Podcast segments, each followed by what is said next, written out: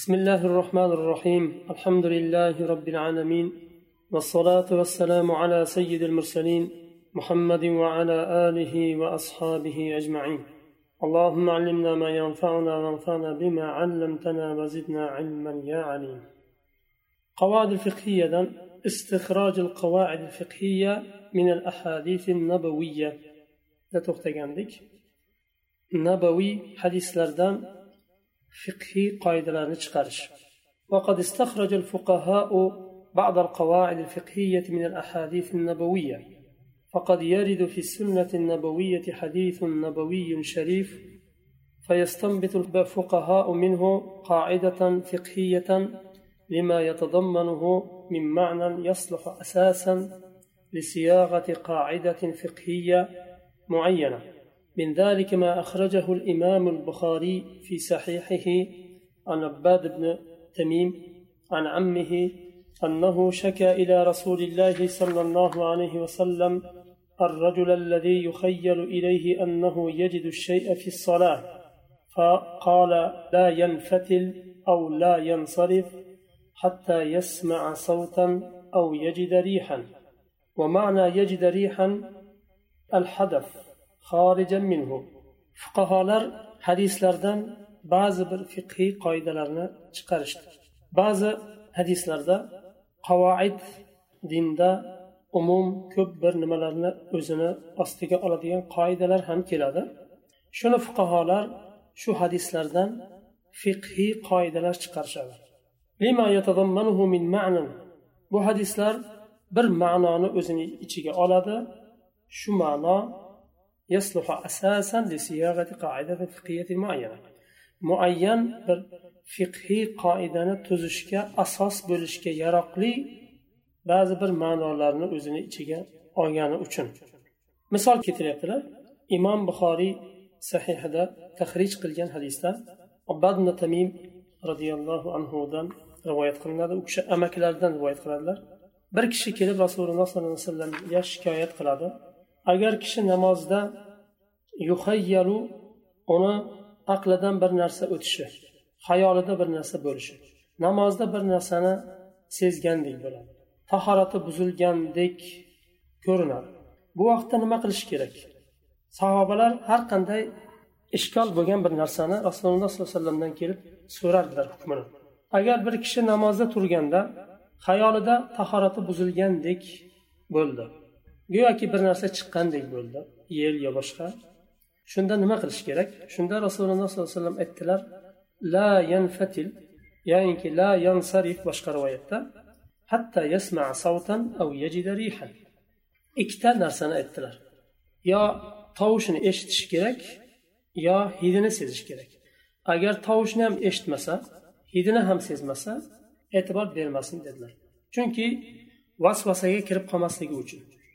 يجد ريحا بيردا الحدث خارجا منه يعني طهرت بزديان برنرسا تشخشلي ودل الحديث على صحة الصلاة ما لم يتيقن الحدث بو حديث دلالة قلادة agar tahorati buzilganiga aniq ishonch hosil qilmasa namozi sahih bo'laveradi nima uchun chunki tahorati borligi aniq lekin buzilgani aniq emas unga shak bo'ldi shak keldi buzildimikin degan وليس المراد تخصيص هذين الأمرين باليقين لأن المعنى إذا كان أوسع من اللفظ كان الحكم للمعنى شو كلا السنة خاص قلش ماس بيردا حديثتا يعني يا tovushni eshitish yo hidini sezishni xos qilib aytilinmayapti maqsad u emas chunki ba'zan lafzdan ko'ra ma'no kengroq bo'ladi U vaqtda hukm ma'noga beriladi. Lafzdan ko'ra agar ma'no kengroq bo'ladigan bo'lsa u vaqtda ma'noga beriladi. Ya'ni aytaylik tovush ham eshitmadi hidini ham sezmadi lekin boshqa yo'l bilan aniq sezdi tahorati buzilgan ya'ni yel chiqqanda ba'zan tovush chiqmasligi mumkin hidi ham tarqamasligi mumkin. Demoqchi bo'linyapti bu yerda. Ya'ni agar inson boshqa yo'l bilan aniq ishonch hosil qildiki tahorati buzildi ya'ni bu hadisga suyanib yo tovush eshitirish kerak yo hidi chiqishi kerak demak tovushni ham eshitmadim hidi ham chiqmadi tahoratim bor deyilmaydi agar boshqa yo'l bilan aniq ishonch hosil qilinsa tahorat buzilganligi aniq bo'ladi لأن المعنى إذا كان أوسع من اللفظ كان الحكم للمعنى ديان معنى شو وقال الإمام النووي هذا الحديث أصل في حكم بقاء الأشياء على أصولها حتى يتيقن خلاف ذلك ولا يضر الشك الطارئ عليها. إمام النووي رحمه الله تعالى bu hadis har qanday narsani hukmi aslida qolishiga bir dalil asos deyaptilar to uni xilofi aniq sodir bo'lmaguncha. Va unga ro'baru bo'lgan shak zarar bermaydi. Har qanday narsani hukmi to uni buzadigan aniq narsa sodir bo'lmaguncha aslida qolaveradi. Hukm asl tahorat bor edi. Tahorat qildi tahorat bilan namozni boshladi. Shak keldi tahorat buzildimi degan. Yaqin emas u.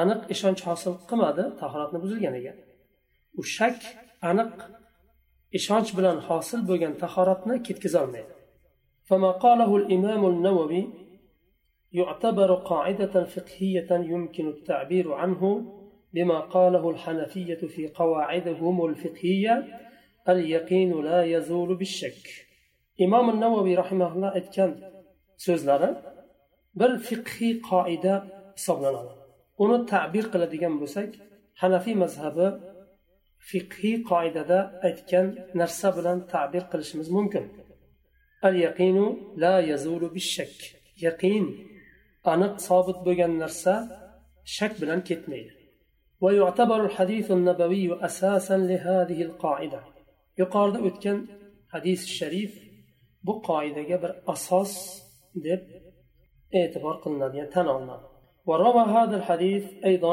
الإمام مسلم في صحيحه بلفظ الرجل يخيل إليه أنه يجد الشيء في الصلاة فقال صلى الله عليه وسلم لا ينصرف حتى يسمع صوتا أو يجد ريحا bu hadisni imom muslim sahihlarida tahrij qiladilar rahimaulloh boshqa lafz bilan kishiga ba'zan xayoliga keladi go'yoki u namozida bir narsani sezgandek bo'ladi ya'ni tahorati buzilganini sezgandek bo'ladi xayoliga keladi aqliga keladi ya'ni shak keladi yaqin emas rasululloh sollallohu alayhi vasallam javob berdilar la yansarif namozidan e'tiborini bo'lmaydi hatto tovush eshitmagunicha yo hidini sezmaguncha وجاء في شرحه وهذا الحديث أصل من أصول الإسلام وقاعدة عظيمة من قواعد الفقه بنو شرح ذا كده مسلم شرحه وإمام النووي رحمه الله شرح كده bu hadis islom usullaridan bir asl va fiqhning qoidalaridan buyuk bir qoidadir dedilar وهي أن الأشياء يحكم ببقائها على أصولها حتى يتيقن خلاف ذلك ويضر الشك الطارئ عليها شو قاعدة nima ekan bu qoida narsalar asllarida qolishligi bilan hukm qilinadi. Toinki uni xilofi yaqiniy aniq bir ilm bilan sobit bo'lmagunicha. Xilofi ya'ni bu hukmning xilofi. Hukm tahorat bor degan hukm. Uni ziddi tahorati buzildi degan hukm. Ya'ni kelgan shak zarar beradi. Qachon? Qachonki yaqiniy bo'lsa. O'sha kelgan shak bir dalil bilan ishonch hosil qilinsa ha buzildi degan. Ungacha zarar bermaydi. فمن ذلك مسألة الباب التي ورد فيها الحديث وهي أن من تيقن الطهارة وشك في الحدث حكم ببقائه على الطهارة. مثال كتير مسألة الباب يعني شو باب تاجي مسألة هذا الطهارة باب ذا كتير موضوع شو باب تان وشقة بالمثال كتير ya'ni hadis vorid bo'lgan bob tahorat bobi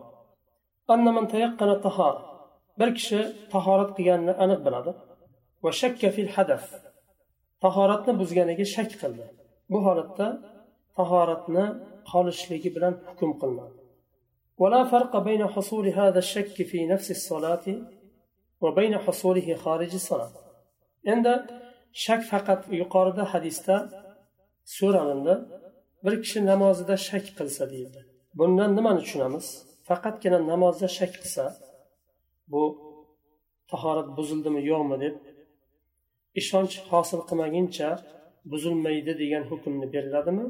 Yo namozdan tashqarida bo'lsa ham ayni hukmmi deganda farqi yo'q namozni ichida bo'lsa ham namozni tashqarisida bo'lsa ham namoz o'qimaydigan bir vaqtda o'tirgan yo yurganda agar shak kelsa tahorat buzildi degan ayni hukm beriladi.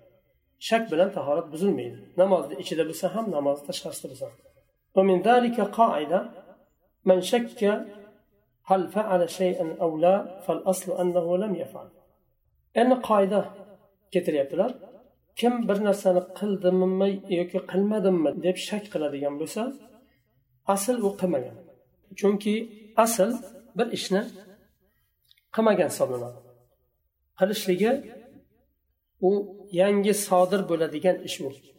Asl qilmaganligi. Agar shak qiladigan bo'lsa qildimmi qilmadimmi deb demak qilmagan.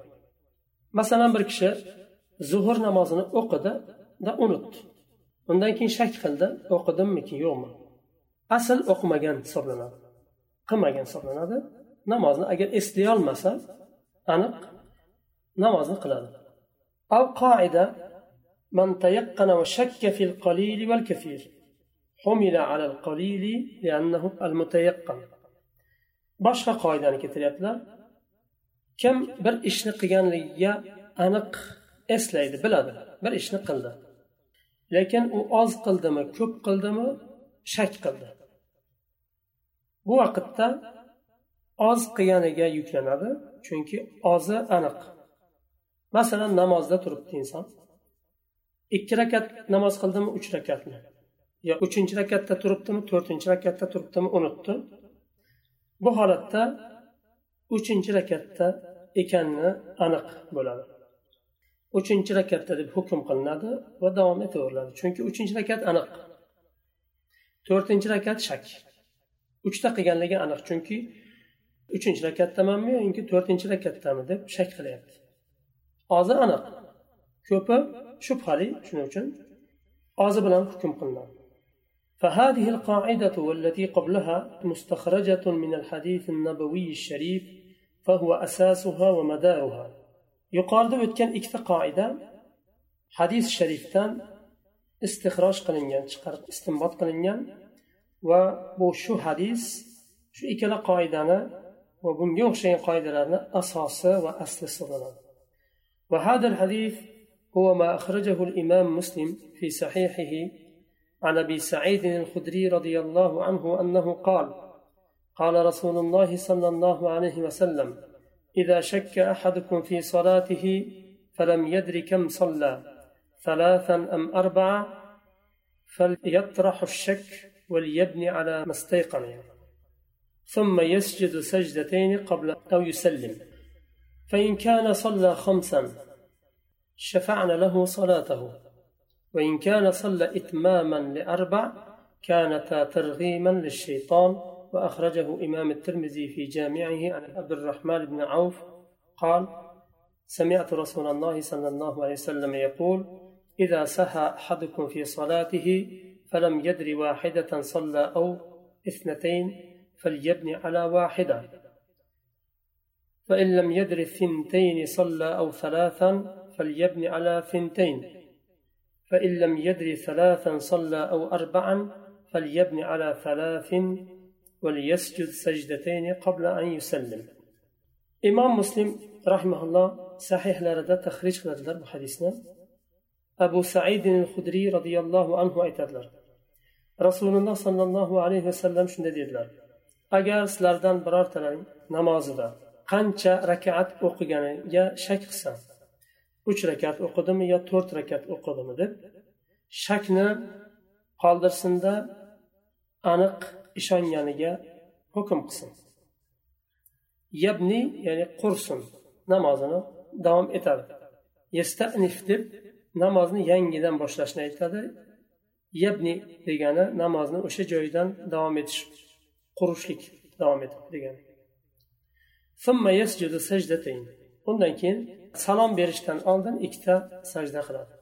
Sajda sahu deydi uni agar beshta o'qigan bo'lsa shafa deb juftni aytadi. Namoz juft yo ikki rakat yo to'rt rakat. Mag'ribdan boshqasi bu yerda to'rt rakatlikdan bahs qilinyapti.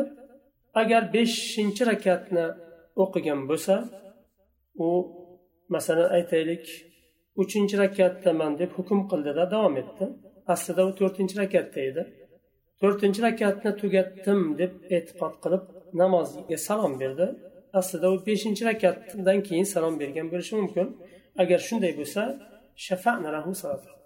namozi juft holda bitirilgan hisoblanadi إن كان صلى إتماما لأربعة كانت ترغيما للشيطان agar to'rtinchini komil qilishlik uchun o'qisa bitirgan bo'lsa o'qib bu shaytonni burnini yerga ishqalashlik bo'ladi. Ya'ni shayton vasvasa qilishga harakat qildi namozdan. Bu baribir u hadisga muvofiq ish qilgani uchun o'zini aniq bilganini ustida namozini qurgani uchun bu shayton yana baribir buni adashtirishga harakat qildiyu adashtirolmadi. Baribir bu hadisga muvofiq bitirdi namozini shayton bezovta bo'ladi imom termiziy tahrij qilgan hadisda abdurahmon ibn avf roziyallohu anhu aytadilar. Men rasululloh sollallohu alayhi vasallamdan eshitdim. U kishi dedilar agar sizlardan bittalaring namozida bir rakat o'qidimi yo ikki rakat o'qidimi unutsa bir rakatga qursin. Ya'ni bir rakat deb hukm qilsin. Agar ikki rakat o'qidimi yo uch rakat o'qiganiga shak qiladigan bo'lsa ikki rakat deb hisoblasin. Agar ikki rakat o'qidimi yo uchinchi rakatni o'qiyaptimi bunda shak qiladigan bo'lsa ikkinchi rakatga quradi. Uchinchi rakatmi yo to'rtinchi rakatmi deb shak qiladigan bo'lsa uchinchi rakatga quradi namozini uchinchi rakat deb hisoblaydi. Va oxirida salom berishdan oldin ikkita sajda qiladi dedilar. Keyingi mavzudan mana birinchi qoidadan boshlaymiz. Fiqhiy qoidalarni berilgan bu yerda. Uzunroq bo'lgani uchun keyingi darsda inshaalloh davom etamiz. Subhanaka allohumma bihamdik. Ashhadu an la ilaha illa ant. Astag'firuka va atubu ilayk.